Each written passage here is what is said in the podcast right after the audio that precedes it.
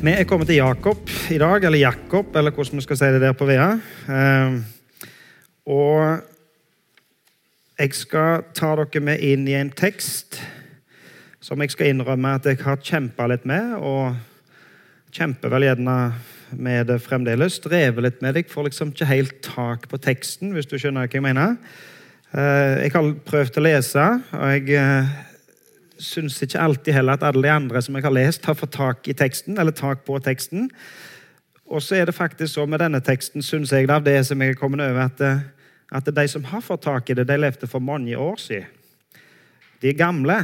De heter f.eks. Charles Spurgeon eller Sean Calvin eller Søren Kirkegård og sånne som levde før vår tid, for å si det sånn.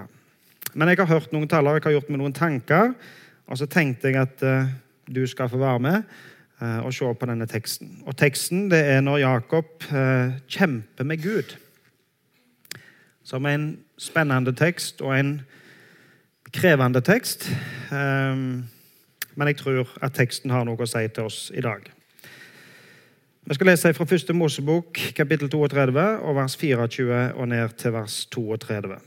Der står Jakob var alene tilbake, og en mann kjempet med ham helt til det grudde av dag. Da mannen så at han ikke kunne vinne over ham, ga han Jakob et slag over hofteskålen, så hoften gikk ut av ledd mens de kjempet. Og han sa, Slipp meg, for morgenen gryr. Men Jakob svarte, Jeg slipper deg ikke uten at du velsigner meg. Hva heter du? spurte mannen. Jakob, svarte han. Da sa mannen, Du skal ikke lenger hete Jakob. Israel skal være navnet ditt, for du har kjempet med Gud og mennesker og vunnet. Da ba Jakob, Si meg navnet ditt. Han svarte, Hvorfor spør du om navnet mitt? Og han velsignet ham der. Jakob kalte stedet Peniel, for jeg har sett Gud ansikt til ansikt og enda berget livet. Solen gikk oppover ham da han kom forbi Penuel, og han haltet av hoften. Derfor er det slik den dag i dag at israelitten ikke spiser muskelen over hofteskålen, for mannen ga Jakob et slag over hofteskålen på muskelen. For å ha mulighet til å forstå denne historien, så må vi et stykke til Mars i tid. Eh, Jakob, som vi leser om, han er sønn av Isak. Og Isak er sønn av Abraham. Og det var Abraham som ble kalt av Gud til å bryte opp ifra himen sin, ifra farshuset sitt, og flytte til et nytt land, til Kanans land. Til det landet som Abrahams etterkommere skulle få eh, til land å bo i. Og Abraham blir stamfar til et stort folk. Eh, men Abraham, som jo skulle bli stamfar til dette store folket For det første så ble han 100 år før han fikk en sønn, eller før han fikk løftesønnen. Og når han fikk denne løftesønnen, så var det jo bare én sønn, Isak. Og enebarnet Isak, han vokser opp, og så får han to sønner. Han får tvillinger. Han får sønnene Esau og Jakob. Og Esau og Jakob de slåss. De slåss til og med inni meien til mora. De slåss når de kom ut, og de slåss etterpå. Til og med i fødselen slåss disse to guttene.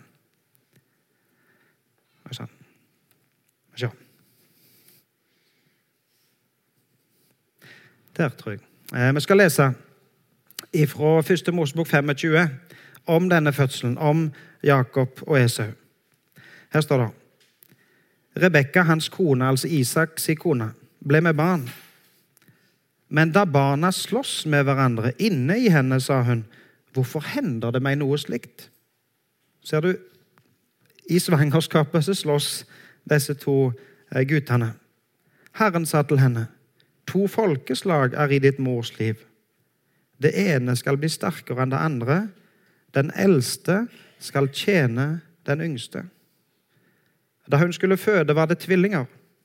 Den første som kom, var rød og hårete som en fell over hele kroppen, og de kalte ham Esau. Så kom broren. Han holdt Esau i hælen med hånden. Derfor kalte de ham Jakob. Esau, den eldste av tvillingene, han, var, han skulle arve faren. Eh, og, og skikken og tradisjonen og kulturen var at den eldste skulle, skulle overta eh, faren sin, sin, sin, posisjon i samfunnet, sin, sin, sin gard og sin, jord, eh, og på en måte føre slektet videre. Men Jakob var hele sitt liv på jakt etter denne arven, etter denne posisjonen. Etter eh, det som egentlig, ifølge tradisjonen, Esau skulle arve. Og så er jo Til og med i fødsel så holdt Jakob Esau fast i hælen for på en måte Man tror om jeg kan klare å komme først. Eh, Jakob han lurer til seg førstefødselsretten. Jakob han kler seg ut som Esau og mottar Isak sin velsignelse. Gud hadde jo sagt egentlig at Jakob var den som skulle, skulle bli stamfar, som skulle føre denne arven videre. Det står til og med her i vers 23 at den eldste skal tjene den yngste. Så Gud hadde egentlig bestemt at det var Jakob som skulle føre arven videre. Men kulturen, tradisjonen, var ikke på lag med Gud. Det var ikke sånn. Det var alltid den eldste som skulle arve, som skulle bære familien videre. I vårt samfunn, i vår kultur, i vår tradisjon Vanligvis i vår verden så er det jo sånn at det er den største, at det er den sterkeste, at det er den flinkeste som får posisjoner. Men i Guds rike, i Hans rike, så er det ofte den minste som får posisjonene. Og Det er jo ikke første gang i Bibelen at vi leser om helter, på en måte, om troshelter som ikke stoler på Gud. Som på en måte vil kjempe seg til en plass. Som vil ta saken i egne hender. Jakob var ikke alene både Abraham, hans bestefar, og Isak, hans far, hadde òg vært der og ville ta saken i egne hender. Og Jakob han sloss, og han kjempa hele sitt liv. Han sloss mot alt som var så urettferdig. Hvorfor ble ikke han født først? Han sloss for sin posisjon i samfunnet, for å komme fram og opp. Han sloss mot bror sin, han sloss mot far sin, han sloss mot onkel sin, han sloss mot kulturen og tradisjoner. Og til slutt så måtte han flykte. For Esau, bror hans, ville faktisk ta livet av han. Og så måtte han flykte. Så reiste han til det som slekten hans kom ifra, og han traff onkelen sin, Laban. Og så forelska han seg i datter eh, til Laban, eh, og så ville han gifte seg med Rakel. Men han måtte til og med kjempe i årevis for å få lov å gifte seg med Rakel. Og Laban, onkelen, lurte han. Til slutt så endte han opp med fire koner. Og Rakel var en av de. Og det er underlig med historien at Gud var med Jakob. Gud var med han når han ble en rik og han ble en mektig mann. Og når Jakob blitt en rik og mektig mann, så, begynte, så sloss han på en måte på en annen måte. Det var ikke sånn at han brukte albuer og brauta seg fram, men nå var det som om han, han, han på en måte begynte å bruke taktikk og rikdom og når han skulle, når han skulle gå hjem igjen til, til, landet sitt, til farshuset sitt, når han skulle møte bror sin Esau, som han egentlig hadde kjempa med hele livet, så bruker han rikdommen sin til å prøve å kjempe. Og så sender han enormt mye gaver, massevis av gaver, i forveien for å på en måte bruke rikdommen til å kjøpe broren. Bestikkelser, ville vi kanskje kalt det. Og det gjør vi ikke i Norge, for vi, vi holder ikke på med sånn korrupsjon eller sånne ting. Tror vi iallfall. Jakob har iallfall kommet der til at uh, nå var det rikdommen som på en måte kjøpte han fordeler, fordeler, posisjoner. Han sendte puljevis på puljevis på puljevis uh, med, med, gaver i forveien til broren til Esau for å på en måte prøve å kunne kjøpe Esau, blidgjøre Esau. Og kanskje han kunne unngå kampen denne gang. Kanskje han kunne unngå å slåss hvis bare rikdommen og gavene fikk gjøre jobben. Når han hadde sendt alt i førveien, så ble han alene igjen. Så står det i vers 24 i teksten vår Jakob var alene tilbake. Ingen rikdom, ingen gaver, ingen tjenestefolk. Nå var han kun seg sjøl, helt alene. Og Når Jakob er helt alene, når han ikke har noen ting annet på en måte å sette inn, så kommer det en mann for å slåss med han, for å kjempe med han. En mann kjemper med han helt til det grudde av dag. De slåss hele natta. Det at de slåss hele natta, må jo bety at disse to var like sterke. Det var ingen som vant. De slåss hele natta, helt til det grudde av dag. Det var på en måte en evig kamp. Han kan fortsette i det uendelige. Og så står det vers 25. Da, mannen så at han ikke kunne vinne over ham, ga han Jakob et slag over hofteskålen, så hoften gikk ut av ledd mens de kjempet. Jakob skulle reise inn i sitt, sin livskamp. Han skulle møte broren som han hadde kjempa med hele livet. Og Jakob var forberedt på at det kunne bli kamp. Og Han prøvde jo å forberede broren så godt han kunne med, med alle gavene som han gav ham. Men Jakob visste at her kan det bli kamp. Her kan det bli slåsskamp. Her kan det bli farlig. Men før han skal inn i den kampen, så dukker det opp en annen kamp. En kamp som kommer til å forandre Jakob for livet. Han kjemper faktisk med Gud. Og så står det her Når mannen så at han ikke kunne vinne Altså, Han kjemper jo med Gud. Underlig. Tenk at når det står når Gud så at han ikke kunne vinne Vinner ikke Gud? Er ikke Gud sterkere enn Jakob? De slåss hele natta helt til morgenen, og Jakob gav seg ikke. Han slåss. Men hvorfor vinner ikke Gud? Gud må jo ha velt å være jevnbyrdige med Jakob. Altså Når Gud kom for å kjempe denne kampen, så gjorde han seg helt lik som Jakob. Når Jesus kom til jord for å kjempe vår viktigste kamp, når han skulle ta oppgjør med alle våre synder, alle våre kamper, alt som er vanskelig i vårt liv, så kom han 24. mars som et menneske, som et lite barn, som en av oss. I denne oversettelsen står det at mannen gav Jakob et slag, står det her, over hofteskålen. I andre norske øvelser så står det 'rørte ved'. Det står ikke 'slag', eller at han slo, at han brukte makt. Men det står at han rørte ved. Hvis du slår opp i 1930-oversettelsen eller 88-oversettelsen, eller hvis du finner en engelsk oversettelse, så står det 'touched'. Altså, han rørte ved. Nå kan ikke jeg hebraisk, men, men flere kommentatorer nevner at ordet betyr nettopp det.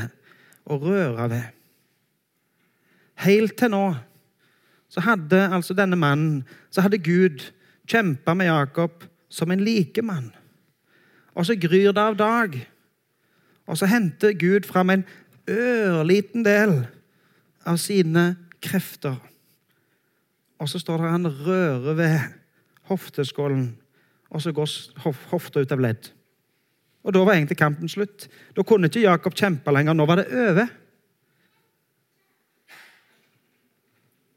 Og så sier mannen, 'Slipp meg, for morgenen gryr.' Men Jakob svarte, 'Jeg slipper deg ikke uten at du velsigner meg.' 'Hva heter du?' spurte mannen. Jakob svarte han. Da sa mannen, du skal ikke lenger hete Jakob. Israel skal være navnet ditt, for du har kjempet med Gud og mennesker og vunnet. vunnet. Når de begynner denne slåsskampen, så ser jeg for meg jeg prøver på noen bilder i hodet, så ser jeg for meg en boksekamp. ikke sant? Dere vet at Når det er boksing, så er det om å gjøre å få mest mulig slag og på en måte eh, stå, posisjonere seg sånn at du får litt kraft i slaget. Ole Klemetsen tenker jeg på, han var jo en bokser eh, som, som av og til vi så på en boksekamp med. Eh, men når de blir slitne, da, når de blir trøtte og ikke lenger klarer å ha den posisjonen, så ser jeg for meg at nå går det over i bryting. Kommer dere på Jon Rønningen? tror jeg heter Jon Rønningen. Sånne, han hadde sånn løgn bryterdrakt på seg. ikke sant?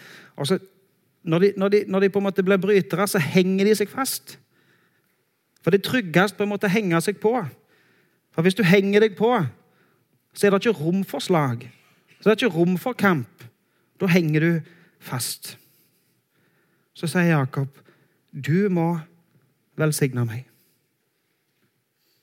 Jeg henger her. Jeg klamrer meg fast. Jeg gir meg ikke før du velsigner meg. Og så sier Gud, hva heter du?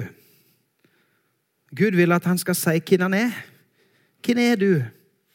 Hva heter du? Gud vet jo allerede.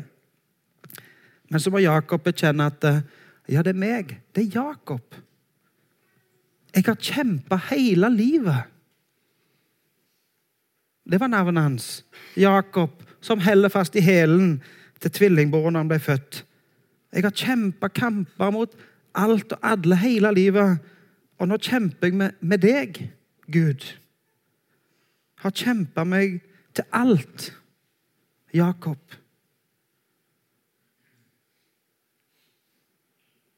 Og så sier mannen, 'Nå skal ikke du lenger være Jakob.'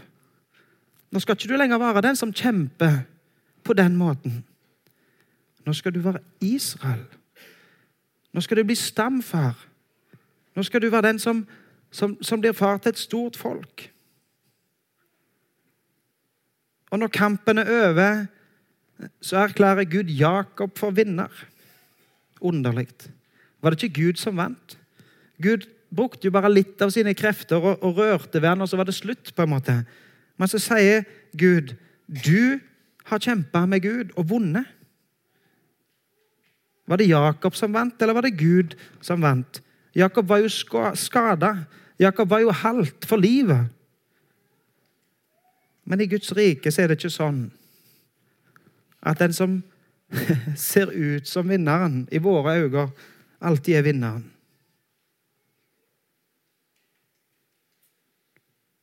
Den som vinner i Guds rike, det er den som får Guds velsignelse. Den som får Guds velsignelse. Og velsignelsen vil du aldri få i egen kraft. Du kan aldri klare med dine egne krefter å kjempe deg til Guds velsignelse. Jesus sier det ber at du går halvt inn i livet og får Guds velsignelse, enn at du fysisk her på jord klarer å kjempe deg til alt, men ikke får Guds velsignelse. Spurgeon, som jeg nevnte Spurgeon levde på 1800-tallet. Og så er det som om Spurgeon, uten Google og moderne hjelpemidler så er det som om Spurgeon ser djupt inn i denne teksten og så sier han at når Gud vil forme et menneske når Gud vil bygge karakter, så knuser han først. Så tar han vekk egen styrke.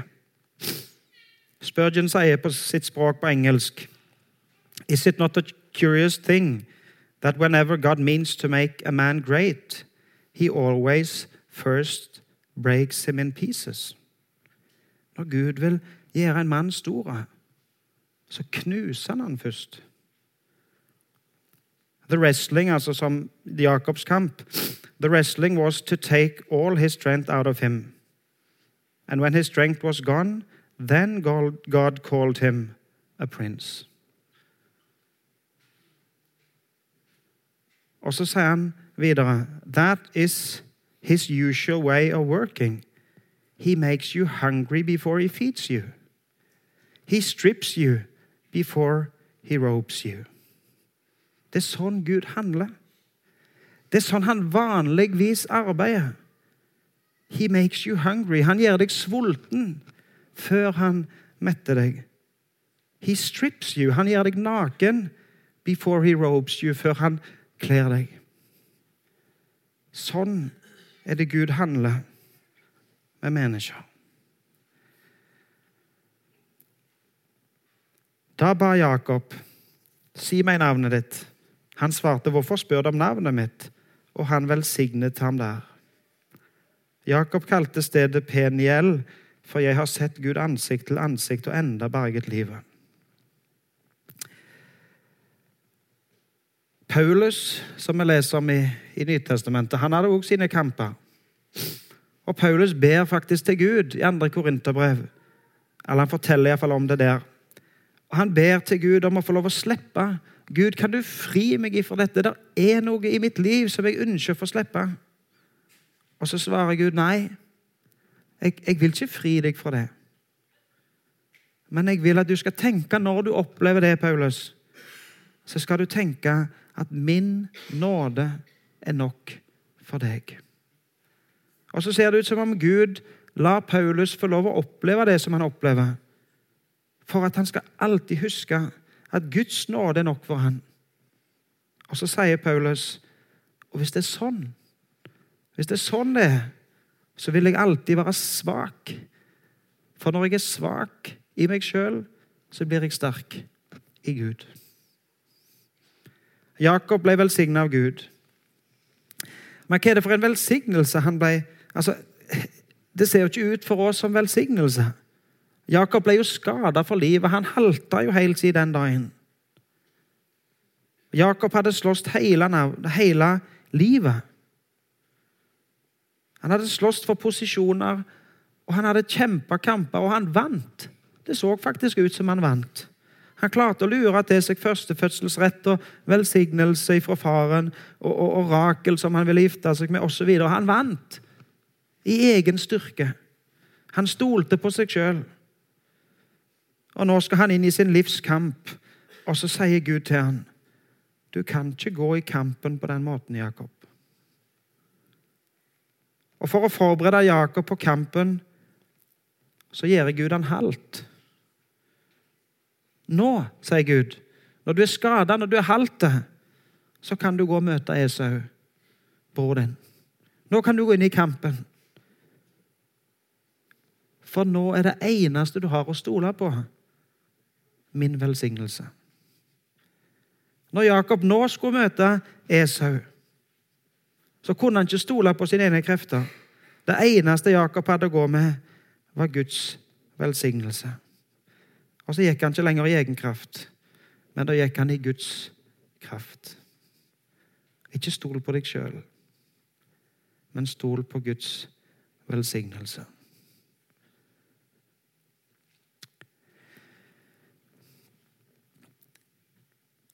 Det er egentlig ikke mennesker du kjemper med. Altså, Mennesker i denne verden kan ikke bestemme utfallet av livet ditt. Det kan være oppturer, og det kan være nedturer. Og selvsagt skal vi leve i lag og ha omsorg for en annen og, og, og, og, gjøre det så godt som mulig for hverandre. Så hender det at vi møter noen som gjør livet vårt vanskelig. Så hender det noen ganger at vi kjemper en kamp. Men utfallet av den kampen, eller utfallet av eh, det som mennesker bestemmer for deg her på jord, det er faktisk ikke det som betyr mest. For den egentlige kampen, den kjemper du med Gud. Egoismen din kjemper mot Gud. Lystene dine kjemper mot Gud. Egenrettferdigheten din kjemper mot Gud. Syndene dine kjemper mot Gud. Og den eneste måten du kan vinne på, er å la han få lov å gi deg seieren. Bekjenn navnet ditt for han. Si hvem du er. Kom til han akkurat sånn som du er.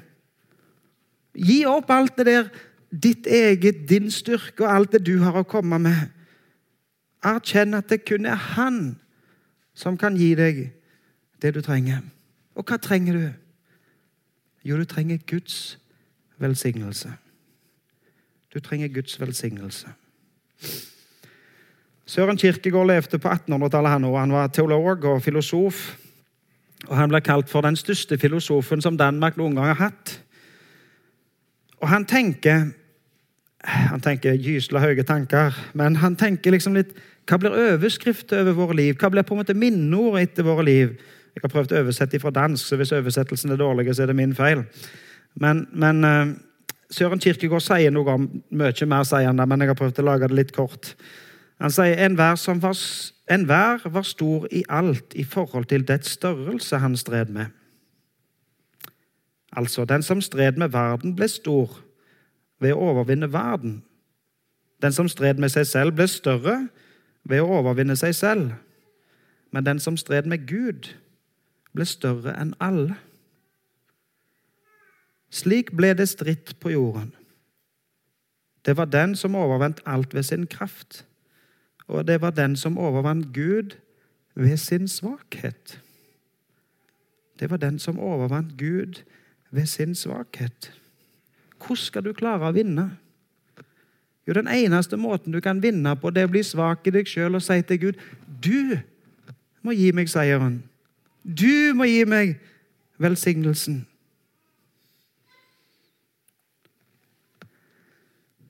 Gud måtte såre Jakob for at Jakob skulle se hvem han var. Altså, Hvis Gud hadde kjempa med Jakob som, som, Gud i all sin styrke, så enn altså, så hadde det blitt mye mer enn ei skada hofte. Altså, Gud kunne jo tilintetgjort Jakob på et blunk på en måte, hvis han hadde stått der i all sin kraft. Og, og, og, sånn som Jakob hadde stelt seg, han hadde jo lurt og bedratt og gjort mye tåpelig, så, så fortjente han jo egentlig mye mer enn å bare skade hofta si.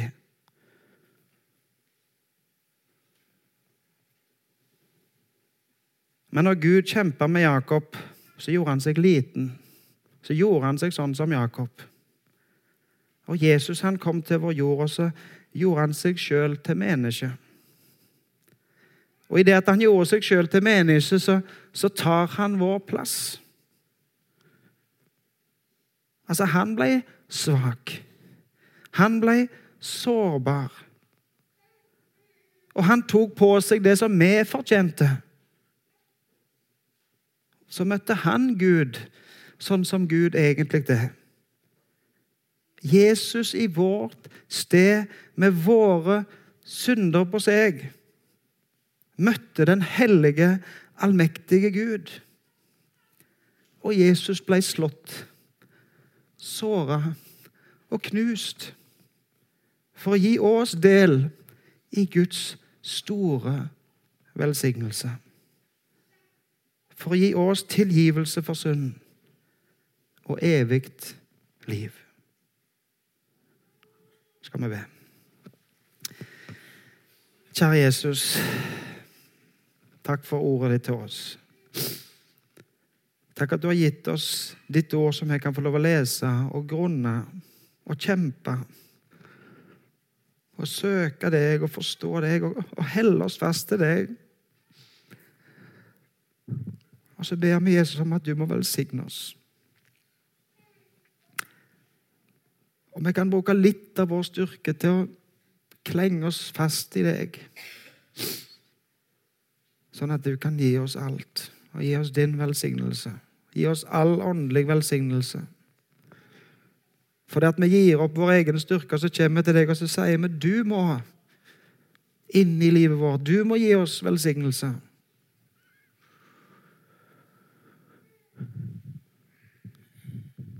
Jesus, jeg har lyst til å be deg for hver en som sitter her inne i dag. Om at du må velsigne.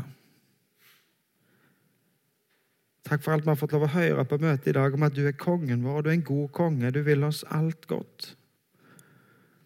Og så ber vi spesielt i dag for de som opplever vanskelige ting.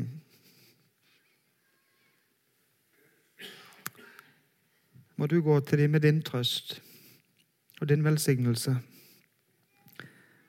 Må du gjøre det så at vi kan få lov å, å være i lag og høre i lag og være med og dele ut din velsignelse, din trøst og din omsorg.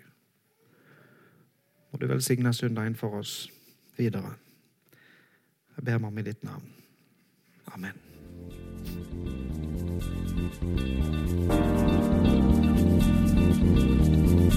Thank